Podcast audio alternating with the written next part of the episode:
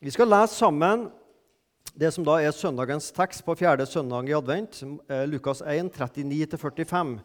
Og det er eh, Maria har akkurat blitt gravid. Eh, Elisabeth, slektningen, er noen måneder på vei med døperen Johannes. Og så, så møtes de to oppe i ei fjellbygd i Judea. Men Maria brøt opp i de dager og skyndte seg til fjellbygdene, til en by i Juda. Hun kom inn i Zakarias sitt hus og hilste på Elisabeth. Og det skjedde at da Elisabeth hørte Marias hilsen, da sprang barnet, altså døperen Johannes, i hennes liv. Elisabeth ble fylt av Den hellige ånd. Hun ropte med høy røst og sa:" Velsignet er du blant kvinner, og velsignet er frukten av ditt mors liv. Hvordan kan dette hende meg at min Herres mor kommer til meg? For se, da lyden av din hilsen nådde mitt øre, så sprang barnet i mitt liv av fryd. Salig er hun som trodde, for fullbyrdet skal det bli som er sagt henne av Herren. I Lukas 1 og Lukas 2 så er det ikke mindre enn sju lovsanger i forbindelse med Jesus sin fødsel. Ganske interessant. Jesus sin fødsel og noen dager etterpå. Og Nesten i alle disse lovsangene så, så møter vi også Den hellige ånd. Det står om Elisabeth i hennes lovsang at hun ble fylt av Den hellige ånd. Og når hun var fylt av Den hellige ånd, så ropte hun høyt. Det hørtes, rett og slett. Og så I fortsettelser, som vi ikke skal lese i dag, eh, etter Elisabeths lovsang, så er det Maria sin lovsang. Min ånd fryder seg. Og Litt senere Zakaria sin lovsang, altså mannen til Elisabeth. Han ble fylt av Den hellige ånd og lovsang. Englene lovsang. Og hyrdene, det står om dem, de priste og lovte Gud. Først ble de forferda, og så lovpriste de. Og så Senere, noen dager etter Jesus ble født, Simon i tempelet, drevet av ånden, står det om Simon. Og helt til slutt Anna Fanuelsdatter. 84 år. Hun hadde ikke pensjonert seg, men hun var med i gudstjeneste og med i tjenesten for Herren høyt opp i åra. Ja, hun lovsang også. Når Jesus blir født, så er det mye lovsang, og det er mye åndens fylde og lovsang rundt Jesus sin fødsel.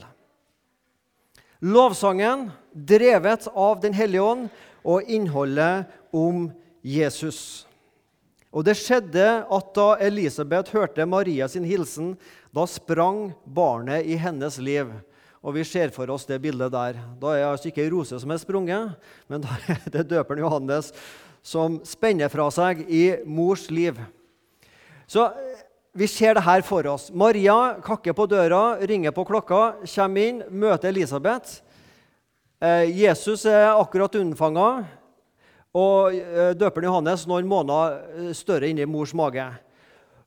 Og altså, Johannes han på en måte reagerer positivt på at han nærmer seg Jesus. Jeg tror ikke bare Lukas skriver dette for liksom å si at ja, den dagen så spente barnet i mors liv, og dagen etterpå så våkna hun at hun var litt kvalm inni seg. og sånn, altså sånn Fødselsting, graviditetsting. Men han ville få fram at det skjedde noe når døperen Johannes møtte Jesus. Ikke bare Maria møter Elisabeth, men døperen Johannes møter Jesus. Det skjer en reaksjon. Han spenner fra seg. Nå skal ikke vi overdrive dette, her, men eh, man kan aldri forholde seg nøytral til Jesus. Det er noen som vil gi, gi, gi, gi Jesus en fot bak og spenne Jesus fra seg på den måten. Men det skjer en bevegelse hos folk i møte med Jesus. Du kan aldri være nøytral og likegyldig. Han har satt min sjel i brann, han har satt kroppen min i brann, han har satt tanken min i gang, han har satt hele meg i brann. Det skjer en bevegelse hos mennesker som møter Jesus. Til og med et foster som døperen Johannes. Vi kan ikke være nøytrale, vi kan ikke være likegyldige og sløve. På en av disse TV-kanalene nå før jul så har de på å vise det beste av Mr. Bean-filmene igjen. og En av disse klassikerne er jo når han sitter i kirka og Presten begynner å mumle, og du ser liksom øynene blir mindre og mindre, og hodet på skeiven. Altså, denne karikaturen av liksom, budskapet om Gud og liksom, folk er helt likegyldige der de sitter i, i, i kirkebenkene og bedehusbenkene og, og sløver. Men i møte med Jesus så skulle det være en åndens fylde. Det skulle skje en bevegelse i mitt liv og i min munn og i min kropp. Ikke alltid det gjør det, Men det var sånn det skulle være når vi møter budskapet om Jesus Kristus. Da sprang barnet i hennes liv. Elisabeth ble fylt med Den hellige ånd, og hun ropte med høy røst og sa Og så kommer hennes lovsang, Elisabeth sin lovsang. Så ser dere jeg har streket under 'Min Herres mor'. Den der er litt spesiell. Altså, her møter Elisabeth Maria. De vet at de er gravid. Jeg antar at Elisabeth også visste Maria var gravid. Jeg antar det. Og så sier altså Elisabeth i møte med Maria um, hvordan kan dette hende meg at min Herres mor kommer til meg?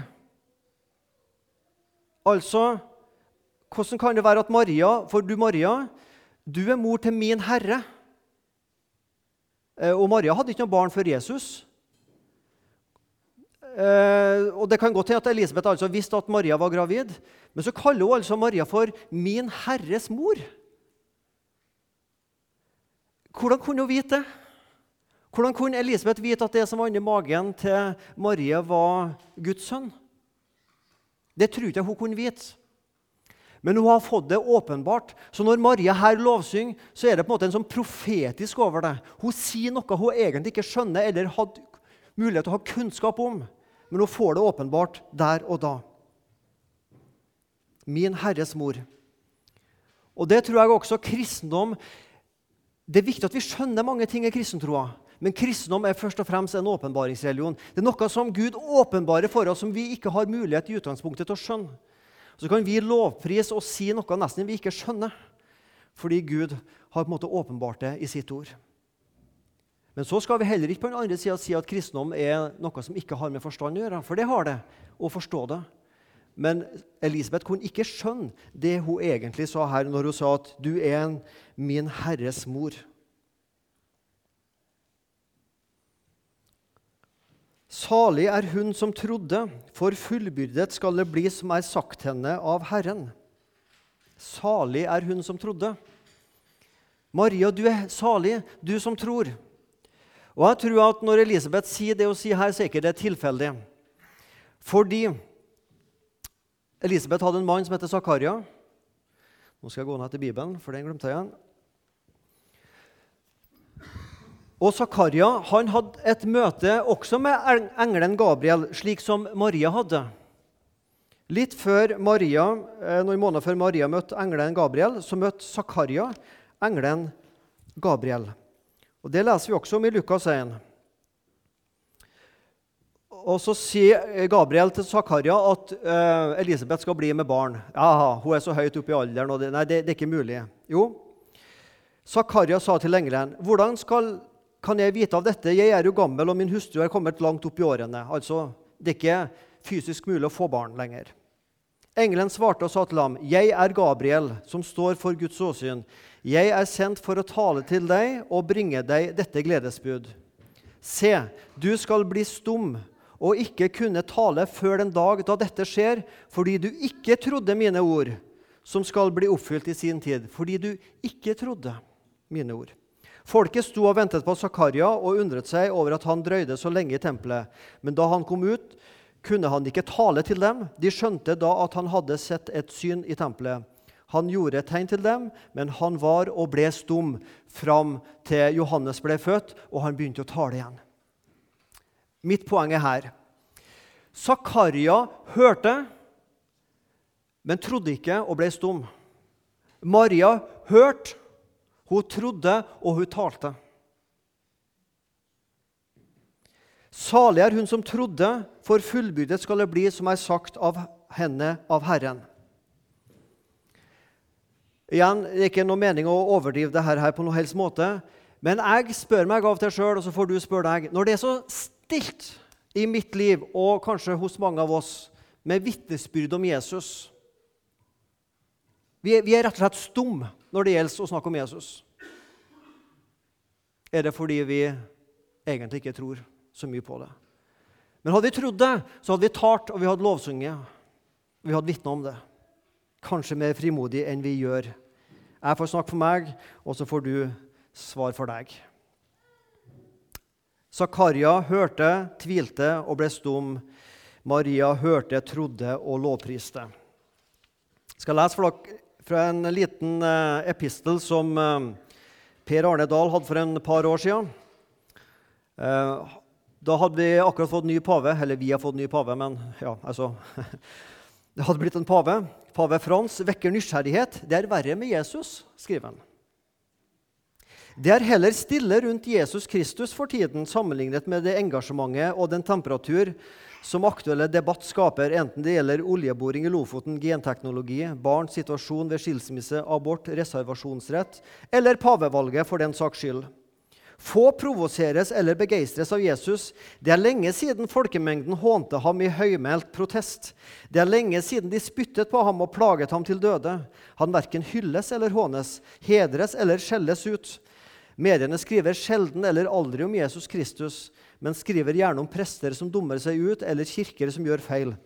Jesus er i ferd med å bli oversett og forsøkt brakt til taushet. Mange mennesker forteller meg at de har sans for kirkerommet, kirkegårdene og for kristendom som kulturbærer, men mindre opptatt av Jesus som frelser og forpliktende forbilde. Den lidende Kristus blir ikke korsfestet av folket i 2013 eller 2014 som nå, men heller ignorert og forsøkt tiet i hjel. Jeg tror han treffer noe utrolig viktig. Du møter ikke mange folk som hater Jesus lenger, men folk er likegyldige. Tida. Det er stilt rundt Jesus. Så må ikke vi være med å gjøre det enda stillere. Vi må være med å få fart. Ikke fart på Jesus, men vi må være med Hvis ikke vi snakker om Jesus, hvem skal gjøre det da? Vi må tro, og så må vi tale, og gjerne høylytt. Velsignet er du blant kvinner, velsignet er frukten av ditt morsliv, sier Elisabeth til Maria.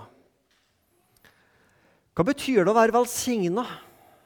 Et vanskelig verb som vi bruker lite, men som har en veldig stor fylde. Og Bibelen snakker mye om velsignelse.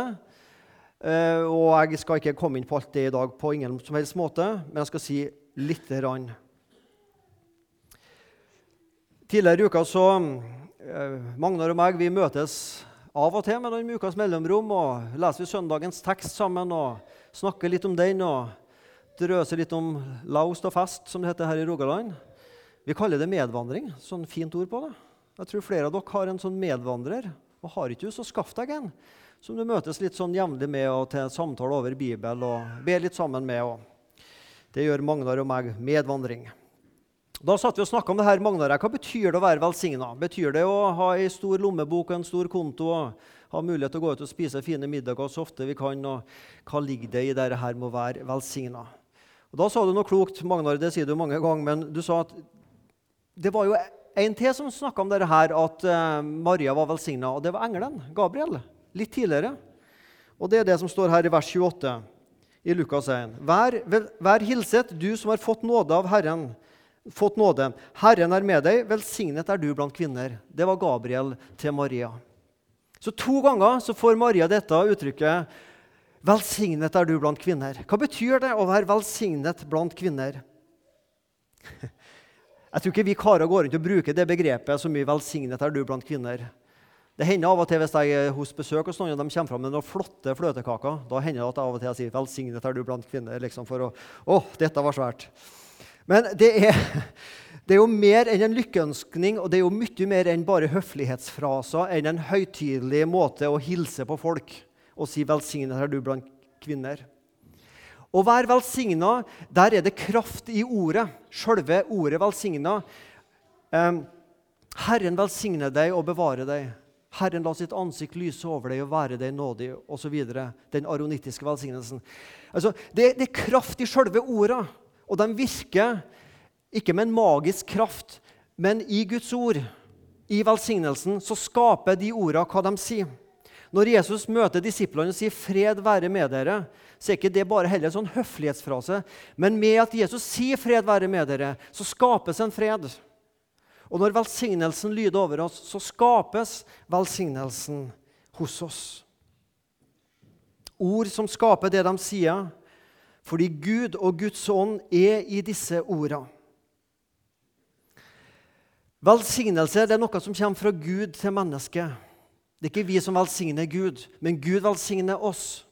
Og som en takk tilbake for at Gud velsigner oss, så lovpriser vi Han. Det starter hos Gud, som velsigner oss. Og som en takk tilbake til Gud, så lovpriser vi Gud og takker Han for Hans velsignelse. Hva vil det si å være velsigna av Gud? Hva ønsker du? Hva skulle du egentlig ønske at innholdet i velsignelsen var? Hvis du skulle bare sagt det til Gud. Kanskje ville jeg sagt jo, Gud, jeg ønsker du skal velsigne meg med en stor konto, med at jeg har det materielt godt, med god helse, meg og mitt, meg og mitt, meg og mitt. Hæ? Ja da, det som det står i eh, bekjennelsen, vi er innkrøkt i oss sjøl. Vi er opptatt med oss sjøl. Ingenting galt med, med, god helse og penger og materielle goder. Nei da. Men det er, liksom, det, det, det er meg det skal handle om. Men så kommer Gud med sin velsignelse på en, kanskje en annen måte enn det vi kanskje går rundt og håper på. Hvis det er noe, det du håper på, da, det som jeg nevnt. Hvordan velsigner Gud? Jo, Vær hilset, du som har fått nåde. Herren er med deg. Og Det skal være det siste jeg sier i dag om velsignelse. Jeg tror Noe av hemmeligheten i velsignelser det er å ha fått nåde, og at Herren er nær. Ha fått nåde. Jeg har møtt Guds nåde. Gud har gitt meg sitt vennskap. Gud har gitt meg noe jeg ikke fortjener, men som jeg trenger. Hvis Gud gir meg det jeg fortjener, så er det av gjerninga. Men når Gud gir meg det jeg ikke fortjener, men det jeg virkelig trenger, så er det av nåde. Og Guds vennskap og tilgivelse, at Gud ser på meg og peker på meg og tenker han luringen på jorda der, han er rettferdig for meg i Kristus. Så er ikke det noe jeg fortjener. Men det er noe han gir meg. Det er nåde. Det er å være velsigna. At jeg kan stå her, jeg kan gå ut og vite med meg sjøl jeg er velsigna, jeg lever i Guds nåde. Da har du freidig til nok, hva det heter i julesangen, til å dø og leve på. Det har du hvis du har Guds nåde, fått Guds nåde. Herren er med deg. Syns du det er stort at Gud er med deg? Syns du det er stort at Gud er nær deg? Jeg hørte en ny julesang i, eh, på radioen i år. Det er ingen kristen julesang i utgangspunktet. Jeg tror ikke Gud er nevnt i den. Men likevel så rørte den noe ved meg. Den var sterk. Jeg tror det var en jentegruppe som heter Nummer fire. eller noe sånt, jeg tror det heter. Og De sang om ensomhet i adventstida og i juletida. Noen som ikke har noen å dele gleden med. Sitter for seg sjøl se ut av vinduet og se på alle som går forbi, og med pakkene og juletreet, men ikke har noen verken dele sorger eller glede med. Og så tenkte jeg på det, det, det Sånn vil det være mange plasser i landet i dag i jula. Kikka på NRK i går. det var, en, hadde laga en serie fra jula i fjor. Kanskje noen så det i går kveld? Fra en sånn bygård i Oslo med forskjellige mennesker med forskjellig tro og religioner. Noen satt helt ensom kanskje uten familie eller langt langt unna som ikke kunne komme, så kan man likevel vite Herren er nær.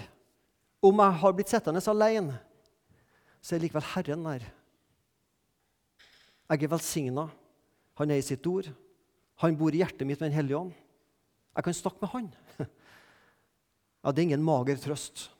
Og Jeg sier ikke dette for at vi skal tenke ja, men da er det ikke så farlig med de enslige, eller ensomme i jula. Jo da, vi, nettopp i disse tider så skal vi kanskje gjort en ekstra innsats for, innsats for de ensomme. Men Herren er med deg. Nærvær. Jeg slipper deg ikke, jeg forlater deg ikke. Gud er med oss. Immanuel. Det er jo hebraisk. Det betyr jo Gud er med oss. Så slo det meg når jeg så det programmet på TV-en i går, at det var god mat, det var hygge, det var sammenkomst det var pakker osv. Og, det skal vi ha i jula. Det skal vi kose oss med i jula. Og vi skal ikke ha noe som helst dårlig samvittighet for å, å, å, å nyte det i jula. Men som en kristen så vet jeg jula for meg det er ikke bare det. Hadde det bare vært det, så var det også flott. Men jeg har Jesus i tillegg. Ikke bare som noe sånn lite i tillegg, men som virkelig sentrum for jula. Tenk hvor velsigna vi er som kristne. Vi vet hvorfor vi feirer jul. Vi vet hva det dreier seg om. Herren er nær deg. Herren har ikke glemt deg. Du er ikke gjemt for Herren, og du er ikke glemt av Herren. Herren er nær. Vær hilset, du som har fått nåde. Herren er med deg. Velsignet er du blant alle folk i Sandnes. Du som sitter her. Herren er nær deg. Herren har gitt deg nåde. Og så skulle det fra vårt liv komme et halleluja og takk tilbake. Han har velsigna oss, og vi lovpriser Han tilbake. Herre Jesus Kristus, takk for å, på så mange rike måter du har velsigna oss. Tilgi meg at jeg sutrer og klager over sånne småting. Jeg og vi som er så heldige med materielle ting og hus og heim og trygghet og fred og ro og det ene og det andre. Og så har vi en menighet å gå i, og så har vi ja, vi har så mange ting, Jesus, og så har vi din nåde og ditt nærvær. Herre, hvor velsigna vi er. Og Herre, flytt, hjelp meg å flytte øynene mine bort fra meg og mitt og mine behov, som jeg i hvert fall tror er mine behov, og hjelp meg å se på deg og lovprise deg og vitne om deg, Jesus. Sånn at jeg hører, jeg tror, og så blir det ikke stilt i livet mitt. Amen.